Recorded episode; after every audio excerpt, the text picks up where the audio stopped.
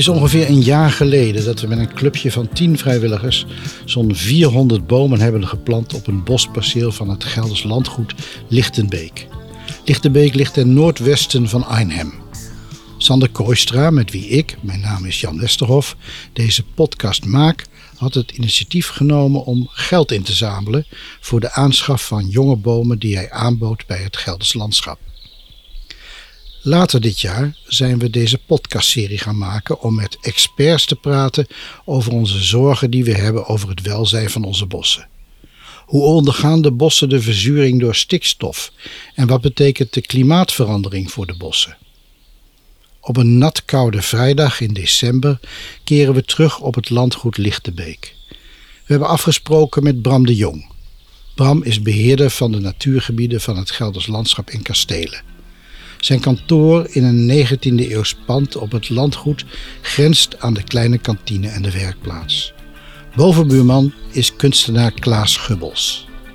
Gubbels gaat elke dag klokslag half tien naar zijn atelier op de bovenetage.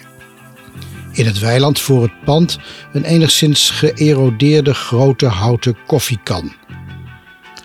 We wandelen richting het westen, richting Oosterbeek. Rijp op het gras langs het pad. De bomen zijn omhuld met een sluier van lichte mist.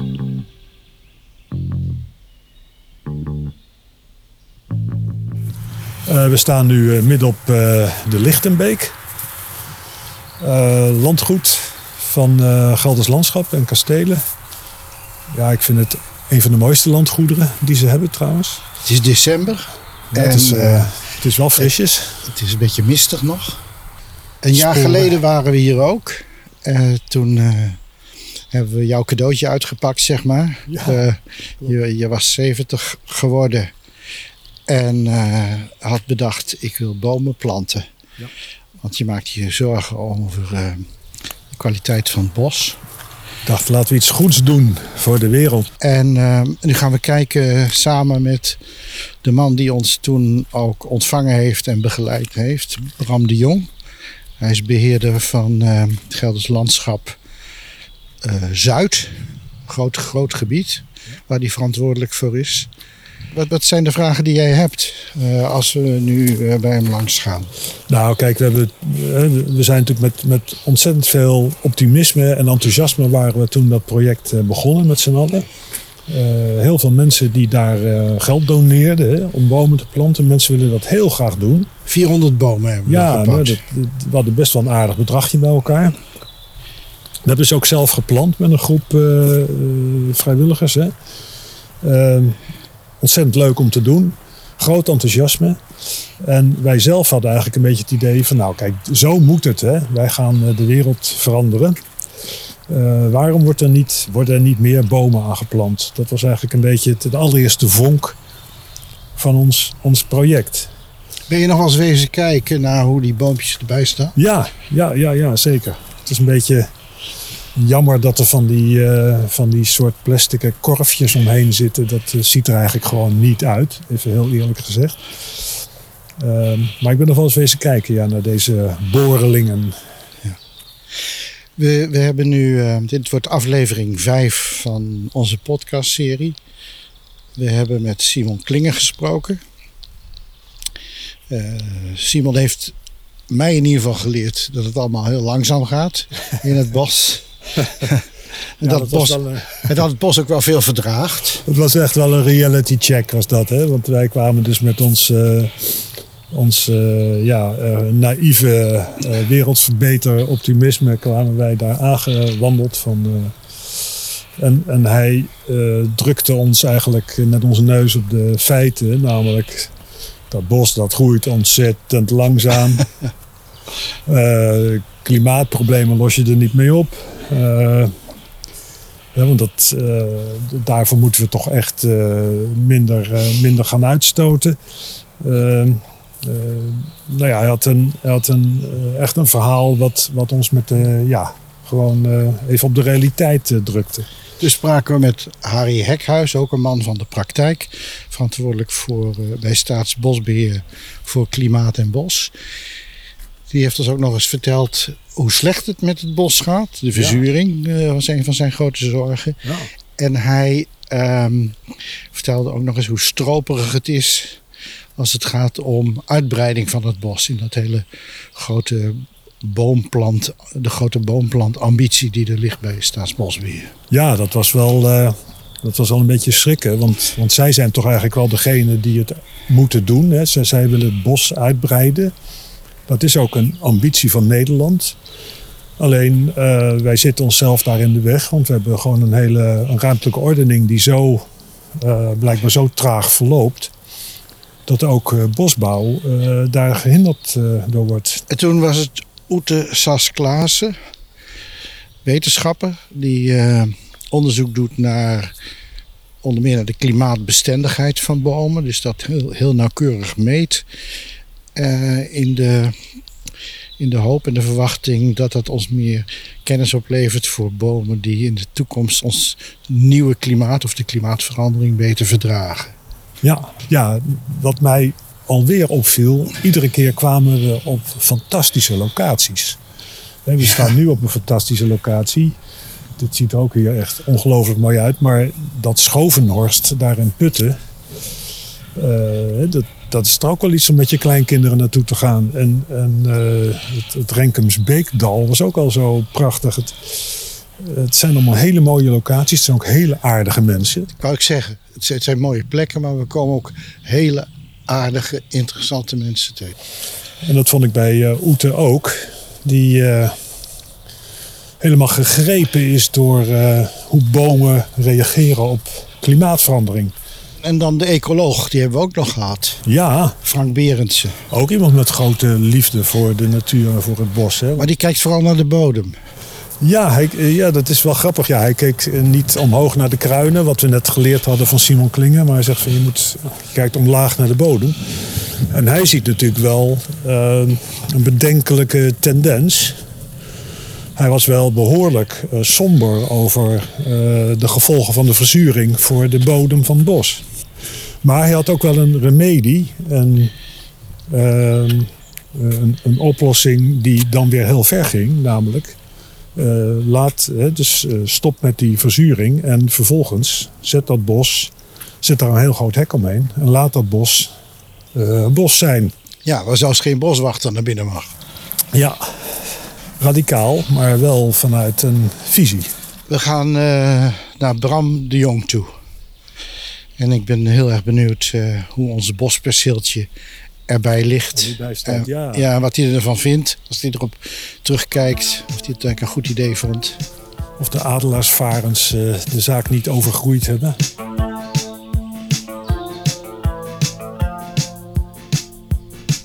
Bram de Jong als beheerder van het Gelders landschap was de man die ons een jaar geleden hartelijk ontving op het landgoed. Met zijn medewerkers zorgde hij voor de professionele begeleiding van het vriendenclubje van Sander bij het aanplanten van de jonge bomen.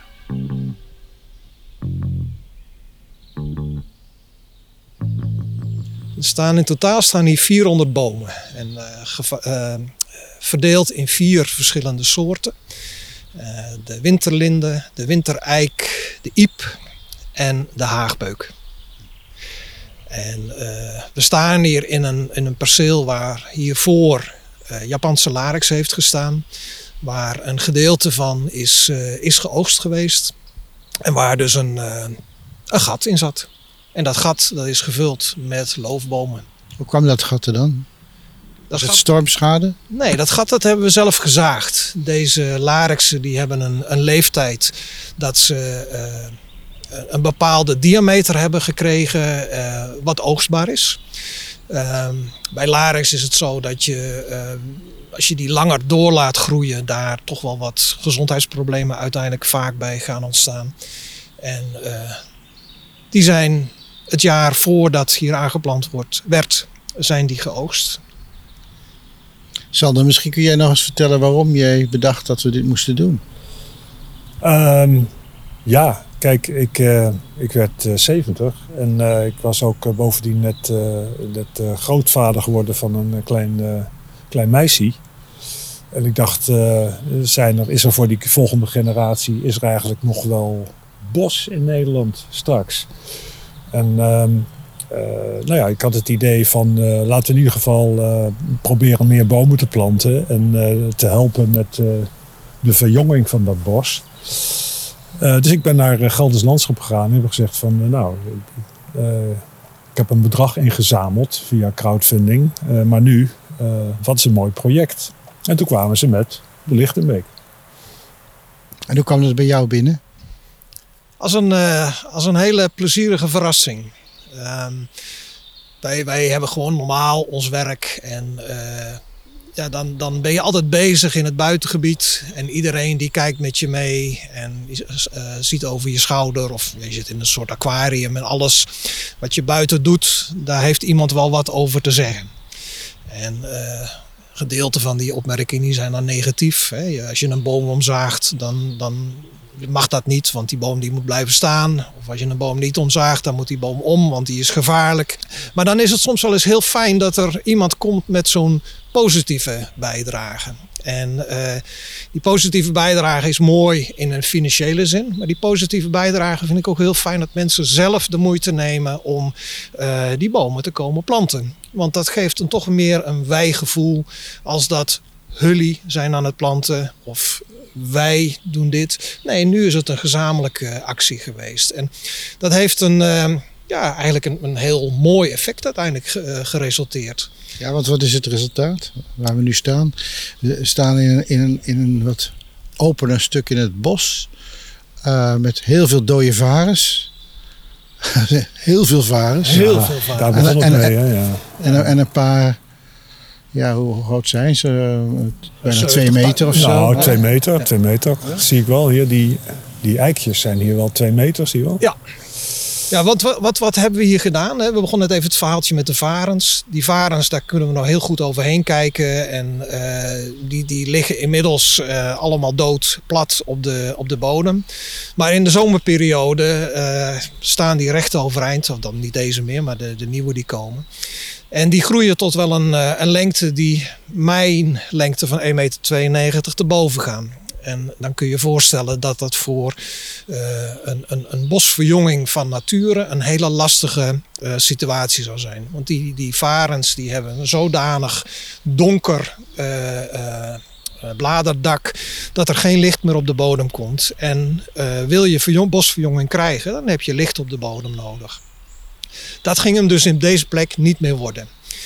Um, dus we moesten wel uh, gaan aanplanten, willen we hier zo bos blijven houden. En die aanplant hebben we gedaan met, dat noemen ze in de vaktermen dan veren. Dat zijn boompjes die uh, een jaar of drie, vier oud zijn. Die een lengte hebben die tussen de 1,50 meter en de 2 meter ongeveer in zitten.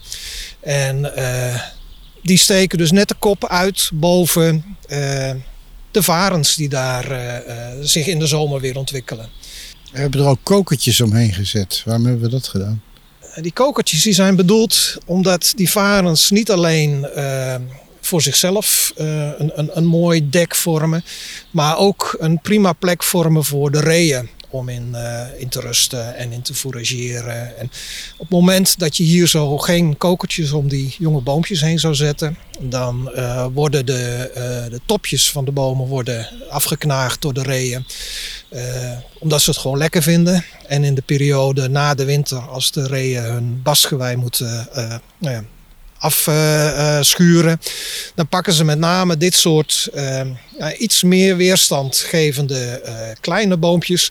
Om daar met het gewei tegenaan te schuren. Waardoor de bast van het gewei, maar ook de bast van de boom kapot gaat.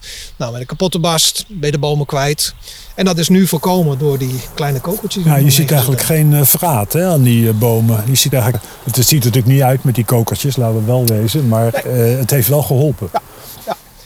Deze, deze kokertjes staan er denk ik een paar jaar omheen. En dan zijn die bomen zijn groot genoeg dat ze uh, eventueel die, nou ja, die, die vraat uh, uh, kunnen voorkomen. Dat schuren, daar zullen ze op een gegeven moment ook wel andere bomen, wat kleinere bomen voor gaan, gaan uitkiezen. En op het moment dat zeg maar, die, die risico's weg zijn, halen we die kokers ook weg en blijft, blijft er een mooier bos over. Dus zou, je, zou je dit nou een, uh, geslaagde actie durven noemen? Of is dat te vroeg om daar een oordeel over te hebben? Um, de actie is sowieso geslaagd. Hè, vanwege hetgeen wat ik net zei. De, het, het wijgevoel in het, uh, in het beheer wat hiermee uh, mee gecreëerd is. En hoe het uiteindelijk in de, in de toekomst gaat. Ja, daar moeten we nog even geduld voor hebben. Hè. Bosbeheer is iets van hele lange adem. Er is een, een oud spreekwoord wat zegt. Boompje groot, plantertje dood. Uh, ik, ik zit nu zo'n 30 jaar in dit vak.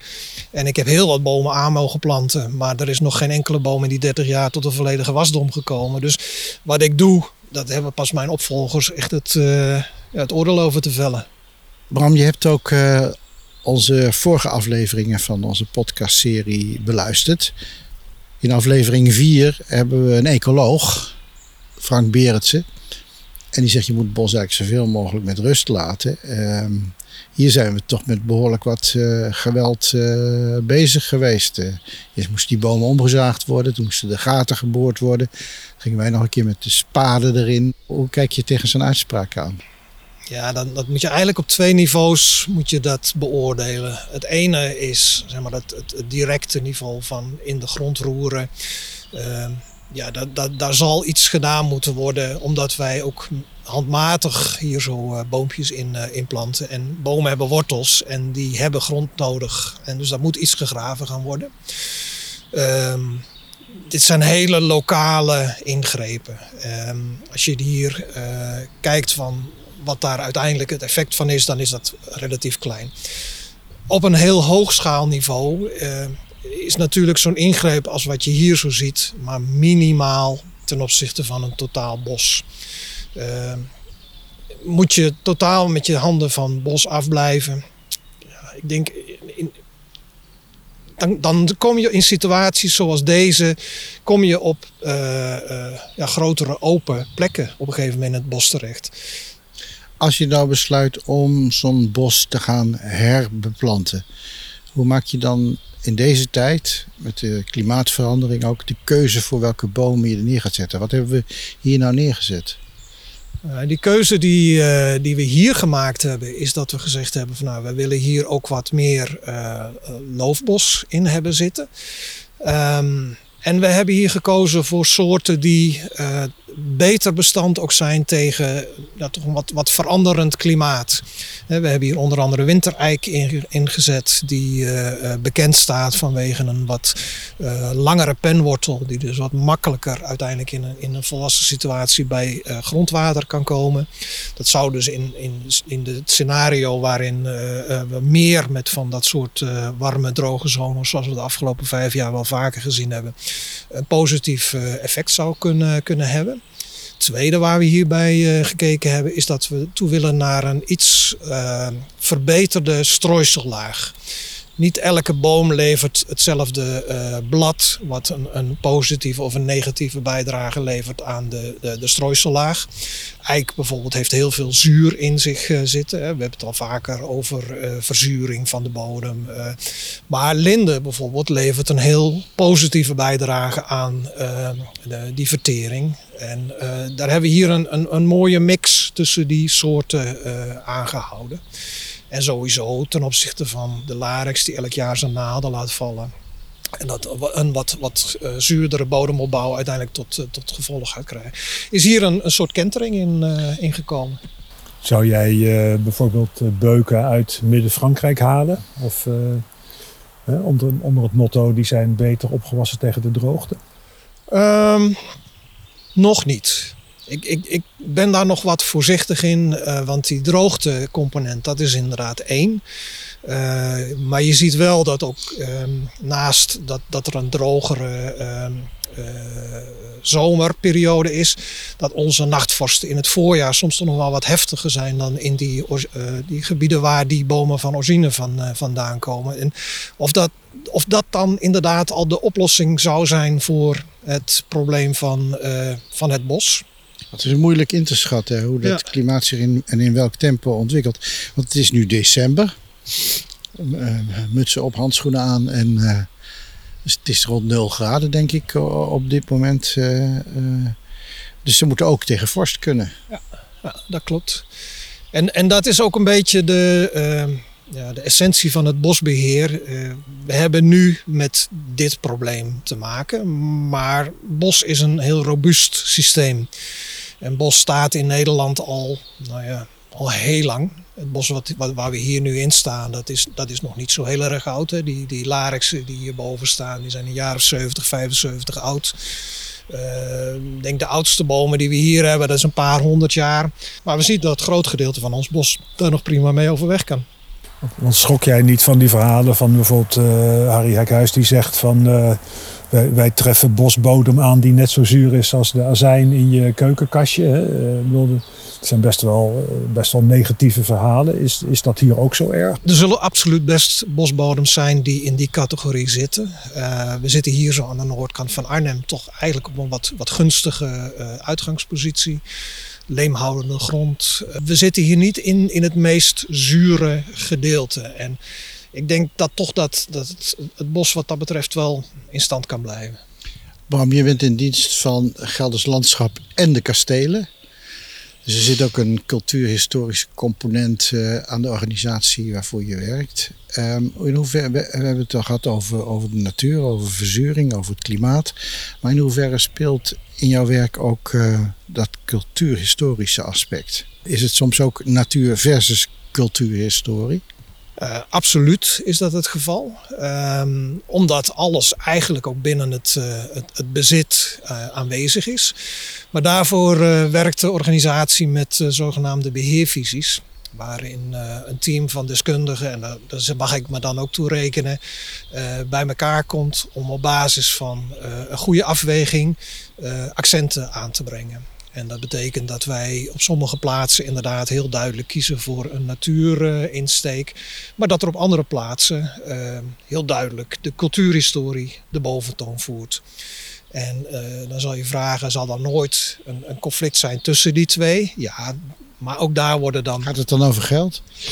Um, Nee, dat is, dat is niet het uitgangspunt. Uh, het uitgangspunt wordt toch wel gezegd van waar uh, is iets aanwezig wat zodanig is dat dat net iets meer aandacht zou mogen hebben dan de andere component. Daar waar sprake is van uh, uh, cultuurhistorische uh, kerncollectie, noemen wij dat dan. Dan heeft die, uh, die cultuurhistorie de, de overhand. En daar waar hoge ecologische of natuurwaarden aanwezig zijn, dan heeft dat de overhand. Mag ik nog even terugkomen op het project waar we hier nu staan? die 400 boompjes die ongeveer een jaar geleden door ons zijn aangepoot. Zou je het nog een keer doen? Ga je het nog een keer doen? Absoluut. En, uh, Wat is de winst dan? De winst die ik in ieder geval in het project waar jullie allebei aan meegewerkt hebben uh, zie, is dat er uh, een groter draagvlak komt voor het werk in het bos. Ik heb nog wel een vraagje over het hout. Hè? Want je hebt hier een aantal larixen weggehaald. Prachtige bomen, wat hier uh, nog staat uh, trouwens. Dat, die bomen zijn natuurlijk geld waard. Dat klopt. Um, we hebben in, in een perceel van, nou ja, wat, wat is het uiteindelijk? Een, een, een ruim een hectare groot met Japanse larix. Hebben ongeveer een derde hebben we vrijgemaakt. En dat hout wat daaruit is weggehaald, dat is verkocht. Dat wordt gebruikt in de bouw. Hè. Larixhout is heel goed hout waar je uh, betimmeringen en dergelijke van kan maken. Dus dat heeft een hele goede bestemming gevonden. Waren er nou mensen die daar tegen waren dat je dat ging kappen? Uh, bij dit specifieke perceel niet. Maar wij krijgen wel af en toe inderdaad vanuit de buitenwacht dat men het niet eens is dat daar hout gekapt wordt. Ik denk altijd, uh, er zitten twee kanten aan het verhaal. Iedereen woont in een huis en een huis is voor een belangrijk gedeelte opgebouwd uit houten elementen. En die houten elementen die komen ergens vandaan. Je kozijnen, je deuren, je vloeren. Um, zonder dat hout was, dat, was dat huis er helemaal niet geweest. En laten we dat hout alsjeblieft ook uit Nederlands bos of uit Gelders bos halen. In plaats van dat we dat ver weg uit Brazilië of uit Finland of uit Rusland of waar dan ook vandaan uh, uh, moeten transporteren. Want het blijven ingrepen die plaatsvinden. Tweede is, is dat die bomen die we hier weggehaald hebben, die waren op een gegeven moment ook in zodanige leeftijd dat worden ze ouder, worden ze ook gevoeliger voor allerlei ziektes. En uh, ja, daar zit dus naar mijn idee nog steeds een win-win situatie in.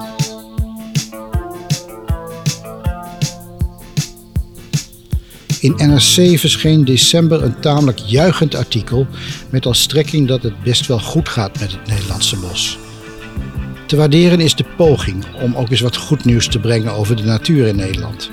Maar voor het overige zijn er toch wel heel grote zorgen bij de experts die wij spreken.